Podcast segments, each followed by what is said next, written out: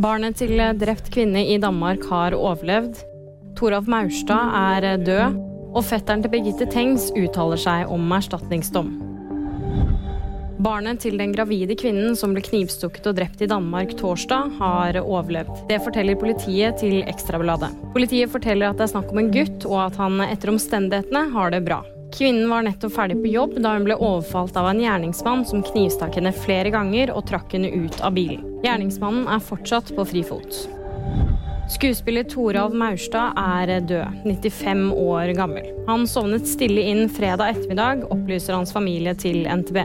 Maurstad var en norsk skuespiller, regissør og teatersjef. Mange vil nok huske han for hans rolle i Hotell Cæsar og som stemmen til Ludvig i Flåklypa Grand Prix. Kulturminister Anette Trettebergstuen sier at en legende har forlatt oss, og tankene går til hans etterlatte.